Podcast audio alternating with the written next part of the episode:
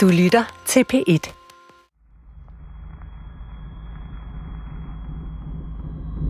Jeg, Ardor, ønsker at sige dette til alle lyttere i Danmarks Radio.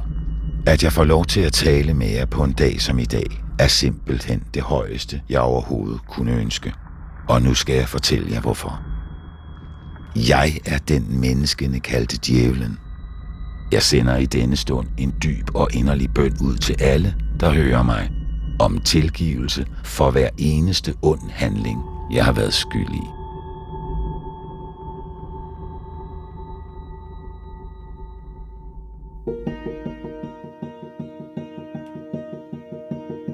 Jeg er tilbage i Høje Gladsaxe, hvor Hanne, som er Guds eget og eneste medium sammen med Kirsten, Guds ambassadør og Hannes uundværlige assistent, i 20 år har kommunikeret med den oversandslige verden og renset jorden for det mørke, som Satan og de andre faldende engle har spredt gennem mange tusind år. Man skal være gjort af noget helt specielt, og der er ingen erstatning for Kirsten, ligesom der heller ingen erstatning for mig som medium. Mit navn er Emil Rothstein Christensen, og du lytter til andet afsnit af Satans syndsforladelse.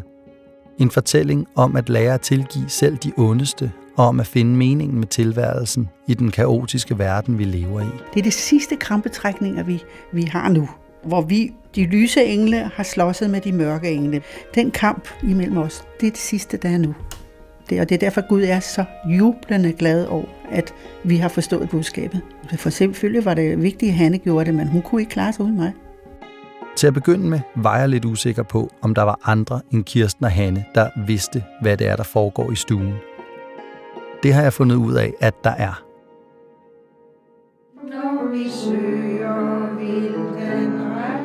Hver måned mødes en intim kreds hjemme hos Hanne.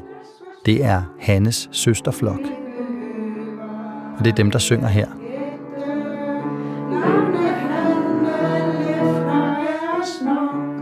Teksten til sangen er en, som Benny Andersens ånd har dikteret på en Bellman-melodi til Hanne. En sang, der handler om Hannes særlige betydning for menneskeheden.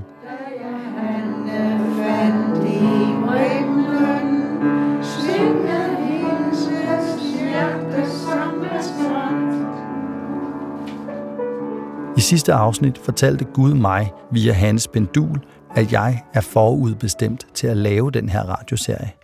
Ja, det var Gud, der sagde det. Og det er med den besked i baghovedet, at jeg endnu en gang træder ind i hans lejlighed, samtidig med, at jeg stadig prøver at finde ud af, hvad det egentlig er, der foregår i stuelejligheden i Høje Gladsaxe. Og jeg håber, at jeg kan leve op til tilliden. Goddag Emil, og velkommen til. Tak skal du Jeg har set meget frem til i dag. Det har jeg også. Alle sammen. Det er min søster. Ja, åh, jeg synes, det er spændende. Det her det er Karen, Kirstens søster. Det er vel nok godt, du kom ind i billedet. Så kommer Connie. Hej. Du får lige en hel hånd. Jeg vil gerne have den igen, tak. Det får Hej, Emil. Hun er Connie. Connie. Ja. Og så kommer Sonja. Og hvis ikke du kan huske, hvad det hedder, så skal du bare tænke på Norges dronning. Nå, han er Ja, jeg skal lige fat i stolen. Det er Louise. Ja. Og til sidst kommer Louise, søsterflokkens yngste medlem. Hun er sådan cirka 30 år yngre end de andre. Ja, du er den sidste. Og så kan Hanne starte mødet. Ja, og jeg vil gerne byde jer meget stor hjertelig velkommen til den her ekstra søsterflok. Og en særlig velkomst har jeg til Ardor, som I jo alle sammen kender og ved, hvem er. Og Ardor ønsker at indlede, og jeg byder Ardor specielt velkommen. Han, Ardor har 17 sving, så jeg kan se, at man er. Hanne kigger på pendulet, imens hun venter på det 17. sving, som betyder, at Ardor, der tidligere var kendt som djævlen, er ankommet til stuen. Velkommen, kære Ardor. Og så vil jeg give dig ordet. Denne dag er også en meget stor dag for mig, Ardor. Med halvt lukkede øjne gentager Hanne Ardors besked, ord for ord og sætning for sætning. Der kan godt gå op til et halvt minut imellem ordene, hun modtager. Men jeg har snydt lidt, så det går lidt hurtigere. Jeg ønsker at tale til Emil nu. Punktum. Emil, Min, Min kære, kære ven. ven. Vi to kender hinanden udmærket godt. Som menneske på jorden kan du selvfølgelig ikke huske noget, men jeg, Arthur, kan fortælle dig, at vi stammer fra den samme himmel. Og det betyder, at der er et særligt bånd imellem os.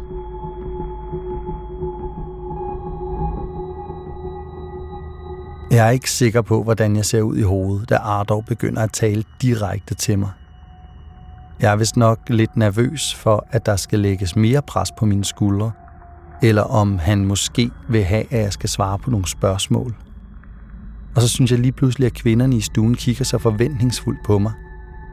De har jo også i lang tid ventet på, at de sandheder, som indtil nu kun har kunnet findes i stuen i Høje Gladsaxe eller på Hannes hjemmeside, endelig ser ud til at nå et større publikum. Heldigvis vil Ardor i gåseøjne bare fortælle, hvor glad han er for, at jeg er sammen med søsterflokken i dag. Til dig, Emil, ønsker jeg også at sige, at det, at vi to kan mødes her, betyder rigtig meget for mig. Jeg ved, at Gud også ønsker at sige noget, så nu vil jeg give ordet til min høje min skaber. høje skaber, kolon. Og så er det Gud, der taler. Vi byder også Gud velkommen. Jeg ønsker at sige til jer alle, at, at det, der sker her i denne søsterflok, er så unikt, så usædvanligt og så dejligt, at det er noget af det, der har bragt mig allerstørst glæde af alt. I skal vide, og det gælder jer alle, at det, at I bliver ved og ved, simpelthen er det, der skal til for at nå det store resultat, vi alle ser frem til. Punktum. Tak, Pia, fordi jeg fik lov at tale til jer. Punktum. Nu vil jeg bede dig, Hanne, om at spille Perhaps Love af John Denver.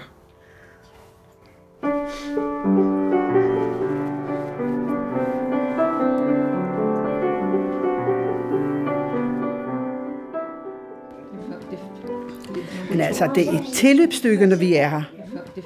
Duen er fuld af engle. Det kan jeg godt regne med. Det er stopfyldt. De ser frem til vores søsterfloks tid. Glæder sig til det og planlægger. Og det har vi hørt i alle årene. Det, det er åbenbart. Altså for os er det jo ikke noget særligt. Vi sidder her som ganske almindelige piger. og Vi, altså vi er lidt svært ved at forstå det samtidig. Ikke? Ah, nu må jeg altså lige klappe hesten. Ikke? Men de, de svømmer over af begejstring og, og, og over, at, hvor, hvor fantastisk det er. Ikke? Så vi, vi, vi er lige ved at tro på det nu. Efter 20 år. Ja. Ja. Og vi sidder her og sluder vores kvindesnak, og det elsker de at høre på. Det skal vi også. Det skal også. Nå, endelig var der nogen, der... Jamen, vi, som du hører det her, ikke? Vi sidder bare og snakker ganske almindeligt. Kvinderne i stuen er specielt udvalgte i kampen mod mørket og tilgivelsen af de faldende engle, og de højere magter elsker at høre dem snakke. Men sådan har alle det ikke med det, de fortæller. Jeg møder skepsis. Folk spørger, hvordan, og jeg prøver at forklare. Det er altså meget svært, hvis folk står med en mening om, at det her det er noget forkert. Så skepsis er der. Min søn, når hvis jeg siger, han, nu skal jeg ud til Hanne. Halleluja, siger han så. Ja, ja, men altså, øh, han ønsker mig god tur i hvert fald. Jeg kan også mærke, at der er nogen, der tror på det. Jeg har en datter, som er fuldkommen klar, over, det er rigtigt. Min ældste søn får af og til nogle budskaber fra mig, som man læser med stor interesse. Min yngste søn har en anden religiøs opfattelse, så han, jeg holder det her for mig selv, og sådan har vi det bedst sammen. Og så har jeg en bror, der også får lidt en gang imellem, men han ved ikke rigtigt, hvad han skal sige til det. Så jeg har ikke nogen umiddelbart nogen, der sådan går meget ind for det, det i min familie. Det vil jeg ikke sige. Du har ikke nogen mand mere? Nej, min mand han døde i 88, og han, han, ham har jeg ikke mere. Han blev knap 60. Hvad var han for en fyr? Han var øh, ka- kartonagearbejder. Det der bølgepap, man laver til, til, øh, til øh, kasser og sådan noget, det er det, han arbejdede med. jeg, jeg, jeg savner ham meget. Jeg ville godt have beholdt ham selvfølgelig, men det kunne jeg altså ikke få lov til. Hun snakker med ham opstades. Nå ja, De snakker, han er her.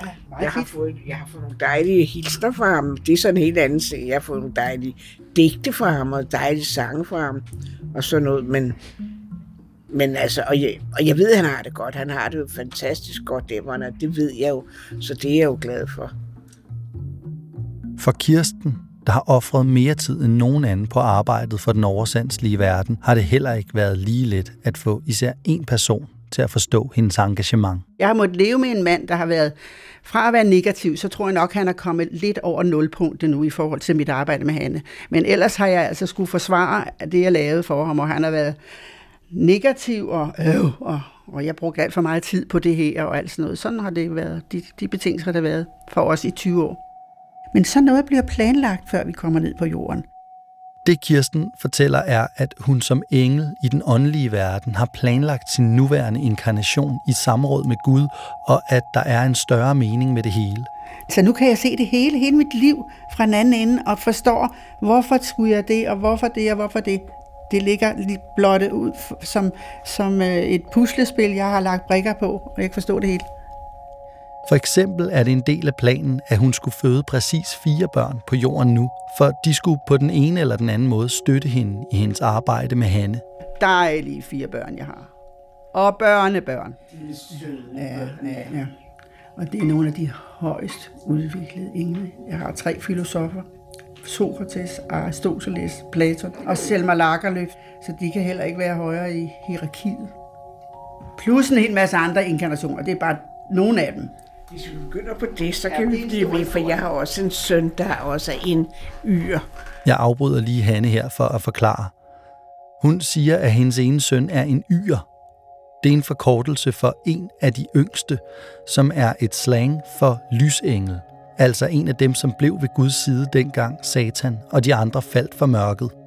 På samme måde bliver de faldende engle også kaldt for de ældste, eller kort og godt æger. Men Hannes søn er altså en lysengel. Og han har også haft nogle fine inkarnationer bag sig. Som Gandhi, som Christian den 4., som Marcus Aurelius og en kinesisk vismand. Hvis du spørger, så kan jeg fortælle det. Du kan se, hvor forskellige inkarnationerne er, ikke? Ja. Nu er du så ganske almindelig Emil her, ikke? og jeg er ganske almindelig Kirsten, øh, mor til fire, øh, og, og som børnene sagde, hvorfor skulle de da holde falde ned i hovedet på os? Vi er så almindelige som leverpostej. Det er vi altså simpelthen. Så det, de har været svært ved at forstå, at, at vi har den betydning. Ikke? Men øh, vi kan ikke sammenligne inkarnationerne. Jeg har også været mm, Katarine Maria Theresia i Østrig. Det kan min bror slet ikke forstå, hvordan i verden kan det hænge sammen. Ja. Men sådan er det. Jeg spørger Kirsten, om hun ved, hvad hun skal reinkarneres som i sit næste liv på jorden. Men det bliver der ikke noget af. Nej, det, jeg skal ikke ned mere. Jeg er færdig på jorden. Nixon Bixen. Det har jeg fået at vide. Og at alle os yer, som har haft noget med Hanna at gøre, vi, vi lever vores sidste inkarnation. Nu skal jeg op og have det dejligt med min dual, og det er Axel Schütz. Og han var også B.S. Ingemann. Det glæder jeg mig til, men jeg skal lige gøre det færdigt hernede først. En dual er en slags evig sjæleven. Og Kirstens dual er altså den ånd, som både har været inkarneret på jorden som B.S. Ingemann og senest sangeren Axel Schütz.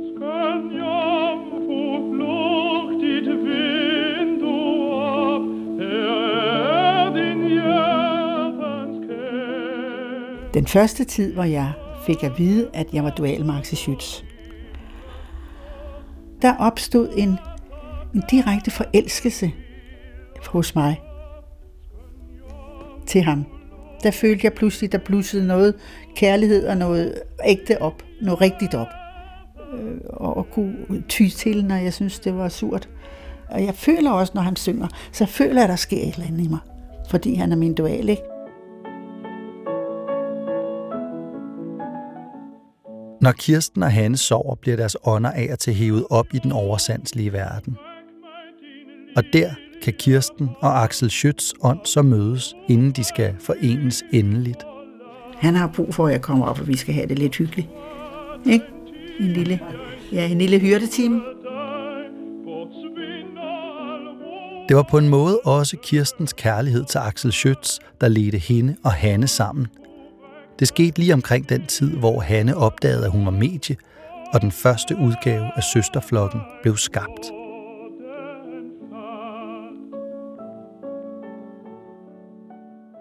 Kredsen omkring Hanne startede som en læsegruppe, hvor Hanne og et par håndfulde andre læste bogen Vandre mod lyset.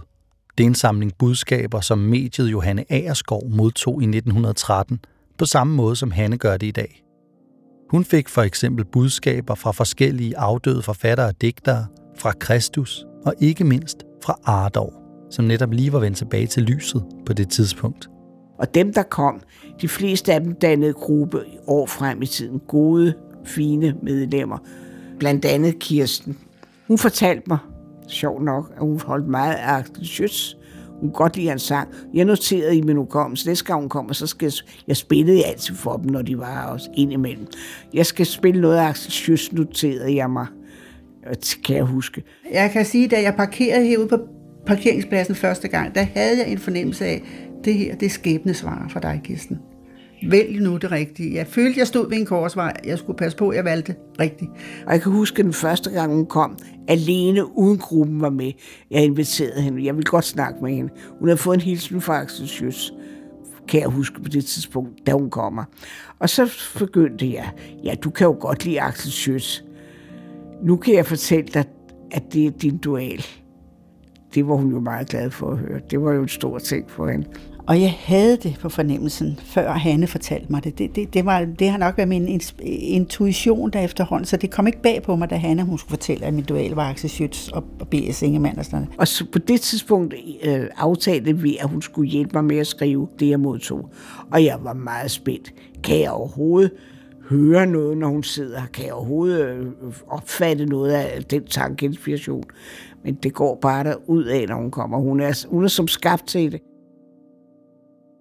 Jeg kunne ikke lide ordet søsterflok. Det mindede mig lidt for meget om noget. Oh, et eller andet over religiøst eller sådan noget. Det, altså, jeg, jeg, det, strider, det strider på mig. Jeg protesterede også, men jeg fik at vide, at det var et navn, som Kristus havde, havde døbt os til på forhånd, så det kunne jeg godt pakke sammen igen. Ja. Så jeg, jeg trænger til noget kaffe. Det er ikke tilfældigt, hvem der er en del af søsterflokken.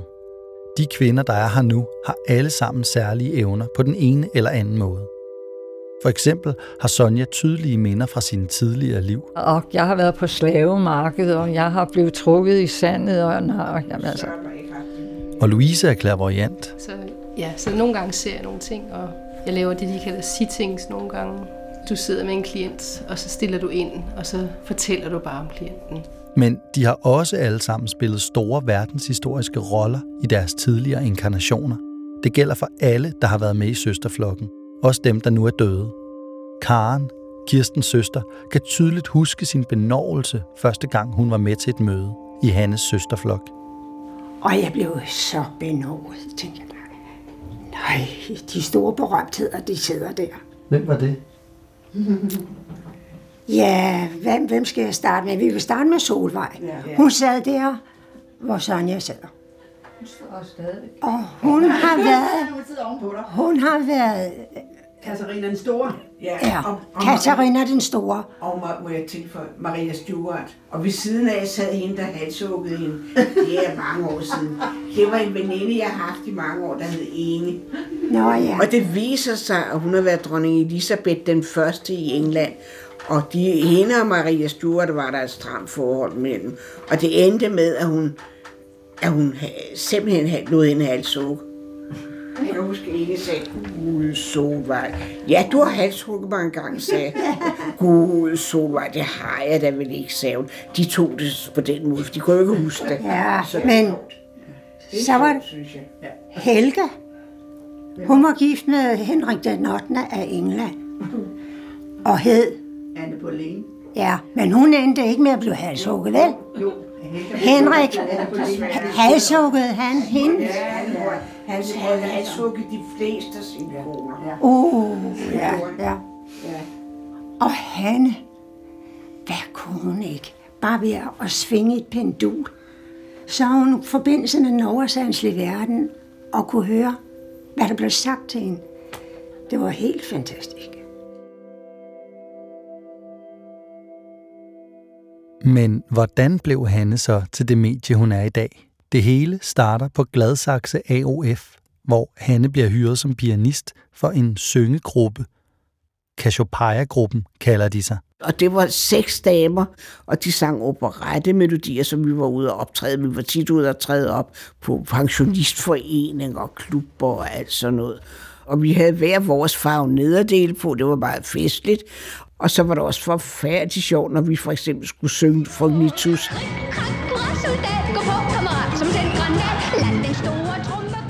Og vi også trådte op med Sound of Music, som også var lige så god.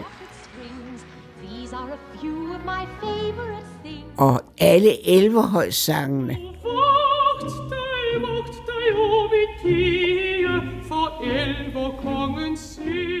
Og de sang så dejligt, de her piger. Hanne begynder at spille med Cassiopeia-gruppen i 1994. Hun er åndeligt og religiøst interesseret her, men hun er på ingen måde et medie endnu. Men den 13. februar 1997 sker der noget. Aftenen er startet sammen med pigerne fra Cassiopeia-gruppen. De har været i Tivolis koncertsal og høre opera, og bagefter skal de hjem til en af sangpigerne. Og hun havde lavet dejligt kaffebord til os, og vi var sammen, og vi hyggede os, som vi jo altid gør. Hun havde lavet noget dejligt kage til os, kan jeg huske. Øh, jeg sad for bordenden, og en anden dame sad længere nede, og hun skulle gå lidt før os andre. Men i stedet for at gå ud af døren, som hun skulle, så gik hun hele vejen ned til mig til bordenden. I det øjeblik, hun begyndte at gå hen til mig, så var det ligesom om, jeg sad helt alene. Og der var dødstil. Der var ingen, der sagde noget som helst. Hun lagde hovedet ind til mig, og det var meget bønfaldende. Meget kærligt, meget, meget, meget bønfaldende. Meget bønfaldende. Jeg vidste ikke, jeg kunne ikke vide, hvad det drejede sig om. Alligevel var jeg klar over det. Det kunne kun være en bøn, det hun kom med. Og så virkede det, som om hun bad om tilgivelse for noget. Og det var et minut, og hun sagde ikke et ord. Klokken er 21.46 den 13. februar 1997, og i en lejlighed i Gladsaxe står to kvinder og omfavner hinanden. Verden står nærmest stille, og universet holder vejret. For det, der sker i det minut omfavnelsen varer, er, at flere tusind års ondskab får en ende. Hun havde pint og plaget mig og været ond ved mig på alle mulige måder. Altså ikke i deres nuværende inkarnation, der har de været fine venner, men i alle de tidligere. Hanne og hendes medsøster i Cassiopeia-gruppen har været inkarneret sammen mange gange før. Og Hanne er ikke blevet behandlet særlig pænt. I øh, 1610 i England, der angav hun mig som heks, og jeg blev brændt på bålet. Gud lod os blive ved med at inkarnere sammen, indtil hun følte anger. For når hun følte anger, så var der basis for, at jeg kunne tilgive hende. Hanne, som ikke er en engel, er det eneste menneske, der aldrig har haft mørke i sit sind på noget tidspunkt i nogen af hendes mange inkarnationer. Hendes veninde derimod var gennemsyret af mørke og ondskab. Og det var nu eller aldrig. Hvis ikke jeg kunne tilgive på det tidspunkt, så kom der ikke senere nogen muligheder. Og hele Hannes engagement i Cassiopeia-gruppen og Gladsaxe AOF var altså en del af en større plan for at få denne her tilgivelse til at ske. Ja, altså, alle, der var til stede, var i den kreds aftalt inden deres inkarnation at blive den kreds i Cassiopeia-gruppen. Fordi de skulle danne kreds om den pågældende person og mig. Sådan så tilgivelsen, som var alt afgørende for alt, kunne finde sted. Og det har de klaret med sang og dejlig musik. Så de har gjort, hvad de skulle. Tilbage i stuen er omfavnelsen stadig i gang. Og i det ene minut, hvor hun stod der, der har jeg altså formået at tilgive. Og den tilgivelse, det var nærmest en helt eksplosion af lys. Der fortsatte de at ringe ud efter. Så blev der glæde i den nordsalslige verden. Og det var anede jeg ikke spor om på det tidspunkt, men der fik jeg kraften i mig til at blive medium. Altså, det var indgang, og havde jeg ikke kunne tilgive, så havde jeg aldrig blevet medium, for så var det hele faldet til jorden. Og den glæde, det gav i Nordsandsvand, det kan vi slet ikke forestille os. Det satte den oversandslige verden næsten på den anden ende ved, ved tilgivelsen. Det hele vendte 180 grader, sagde de. Vi har sådan en vidunderlig sang af H.C. Andersen, hvordan han beskriver, hvor, hvor, hvor, hvor elle vilde af glæde de var. Ja, Og, den der, de stjerner, ja, ja, det kan du lige sige. Ja, den kan jeg godt huske uden at Den går på melodien, hvor skoven dog var frisk og stor. Og da tilgivelsesøjeblikket var overstået, og jeg blev medium, der fik jeg en som noget af det første, en sang for hos Andersen, hvor et af versene lyder sådan her. Og det er glæden, han beskriver. De stjerner små i det himmelvælv af glæde dansede rundt. De hvide skyer, ja, om månen selv, af glæde dansede rundt. Og allensteds i det himmelvælv blev dansen trådt, og Sankt Peter selv lod porten stå vid åben. Kuk, kuk, kuk, kuk, faltera.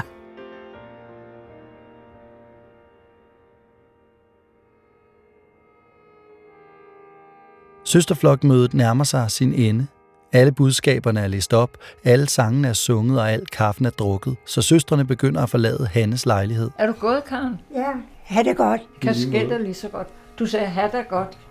Kasketter lige så godt. Når du, når du sagde, ha' det godt.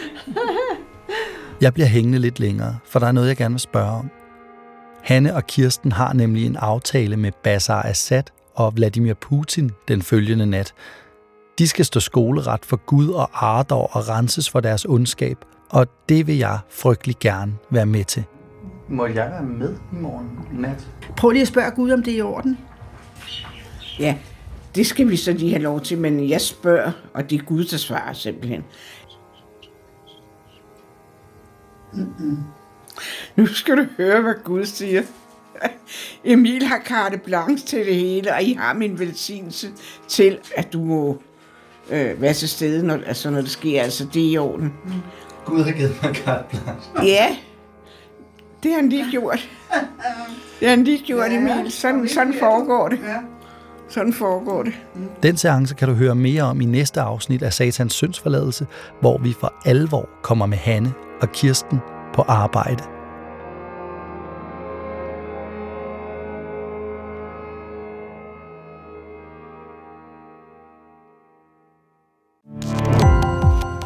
Gå på opdagelse i alle DR's podcast og radioprogrammer. I appen DR Lyd.